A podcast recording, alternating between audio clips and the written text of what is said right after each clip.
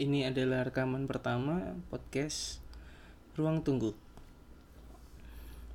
Halo teman-teman yang terkasih, semoga kalian sehat selalu di mana pun kalian berada. Karena kembali lagi di podcast Ruang Tunggu bersama saya Roni Tato. Kali ini saya ingin bercerita tentang mengapa sih deskripsi. Kira-kira kalian tahu tidak mengapa harus deskripsi? Uh, saya telah berpikir dan menemukan ada dua hal alasan mengapa harus deskripsi. Yang pertama, deskripsi merupakan kemampuan dasar manusia untuk bercerita atau menjelaskan sesuatu. Mengapa sesuatu? Karena sesuatu itu sangat luas. Bisa benda, alam, objek wisata, baik itu alam ataupun buatan, kemudian budaya, sosial, karya seni, dan lain sebagainya. Jadi semuanya itu berawal dari deskripsi, kemampuan dasar manusia untuk bercerita atau menjelaskan sesuatu. Nah, nanti itu bisa berkembang lagi. Lalu yang kedua, deskripsi itu mengutamakan tiga hal tiga hal ini berkaitan dengan kata kerja yang sangat fundamental. Fundamental itu apa sih? Yang sangat dasar, yang sangat penting. Karena dasar, ya tentunya penting. Apa sih? Ada tiga. Yang pertama melihat, mendengar, dan merasakan. Mengapa tiga hal ini yang utama? Karena tiga hal ini merupakan informasi yang dibutuhkan setiap manusia untuk memahami suatu topik deskripsi. Ya, misalnya nih, eh, kalian ingin mencari tahu tentang suatu tempat wisata, ya. Ah, saya kan belum pernah ke Gunung Bromo misalnya seperti itu. Atau ah saya kan belum pernah ke kampung warna-warni. Kalian mencari tahu. Nah kemudian kalian menemukan sebuah artikel. Nah artikel itu tentu memberikan suatu gambaran tentang objek yang kalian cari tahu. Nah contoh kalimatnya misalnya seperti ini. Kalau yang melihat Hamparan kebun apel nan lebat mengalihkan perhatianku. Nah, ini kalian sambil mendengarkan tentu juga memiliki bayangan. Oh, di situ ada hamparan kebun apel. Kemudian mendengarkan. Terdengar suara sapi saat memasuki desa petik apel di kota Batu. Nah, pasti teman-teman sudah membayangkan suara sapi begitu ya. Kemudian yang ketiga adalah merasakan. Hembusan angin sepoi-sepoi menyapa kulitku. Nah, itu tadi adalah buah pemikiran saya tentang mengapa harus deskripsi. Ya, kita berbicara tentang deskripsinya dulu. Nah, supaya lebih jelas, saya telah menyiapkan sebuah teks yang bisa kita identifikasi bersama-sama. Mari kita dengarkan. Oke, saya kutip dari jawapos.com edisi 31 Oktober 2020. Siapa pun pasti tak asing lagi dengan kampung warna-warni di Kelurahan Jodipan, Kecamatan Blimbing, Kota Malang. Jika dilihat dari jembatan berantas, terlihat warna-warna cantik di tembok-tembok di kampung tersebut Diketahui, kampung warna-warni Jodipan yang juga bersebelahan dengan kampung 3D sudah dibuka sejak 2016. Awalnya ya tidak sengaja kalau bisa jadi kampung wisata. Kan awalnya dimulai dari mahasiswa KKN atau kuliah kerja nyata.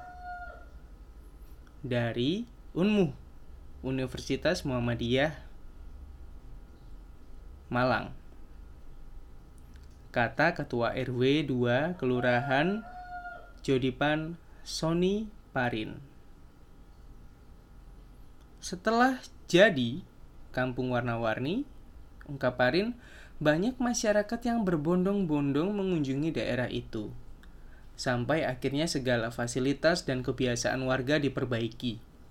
Misalnya jalan, pembuangan sampah, dan pemberdayaan masyarakat.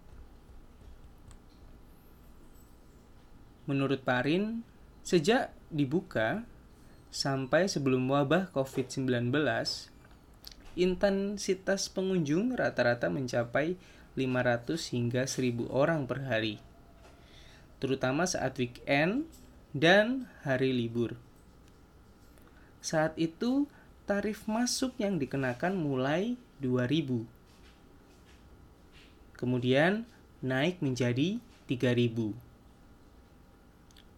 Jika ditotal, pendapatan yang didapatkan sekitar 1,5 juta di hari biasa dan 3 juta pada hari libur dan weekend. Semakin lama, akhirnya kampung warna-warni Jodipan berusaha memberdayakan warganya. Salah satunya dengan memperkejakan mereka. Ada 20 orang penjaga loket yang dibagi menjadi 4 titik. 10 penjaga parkir dan 2 petugas kebersihan. Mereka digaji juga berasal dari pendapatan kampung warna-warni. Rata penghasilan mereka itu 1,2 juta per bulan. Untuk sementara, pengelolaan dana yang dipegang bendahara masih tergolong sederhana. Jadi, seminggu sekali dapat uang dari tiket itu langsung dimasukkan ke bank. Hanya disisakan untuk biaya operasional sambung Parin. Jika suatu ketika membutuhkan dana darurat, barulah uang diambil sesuai kebutuhan. Bahkan, dari pendapatan kampung warna-warni tersebut, pihaknya enam bulan sekali membagi-bagikan sembako kepada warga setempat. Merata dibagikan ke 9 RT, sementara kampung warna-warni mencakup 3 RT. Hal itu menunjukkan bahwa keberadaan kampung warna-warni Jodipan membawa keuntungan bukan hanya bagi warga setempat, tapi juga sekitarnya. Di samping itu, beberapa rumah bergerak membuka usaha. Ada yang berjualan makanan ringan dan kerajinan, atau menyediakan spot-spot foto menarik. Ada pula yang sebelumnya bekerja sebagai pekerja kasar seperti kuli bangunan ataupun driver online. Setelah ada kampung wisata tersebut, penghasilan mereka bertambah. Di samping pekerjaan utama yang tetap dilakoni. Tapi semua berubah saat virus dari Wuhan itu merebak. Jumlah pengunjung turun drastis hingga sekarang pas pandemi ini turun jadi hanya 50 sampai 100 orang per hari jelasnya.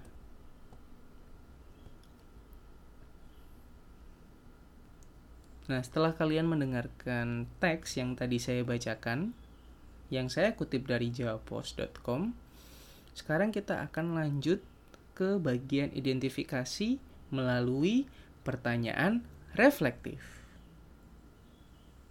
Oke, pertama, apa nama objek wisata yang disampaikan dalam teks tadi?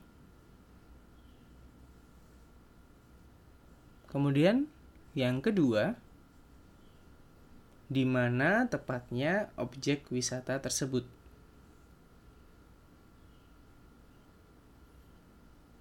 Kemudian, yang ketiga, bagaimana intensitas pengunjung kampung warna-warni sebelum wabah COVID-19.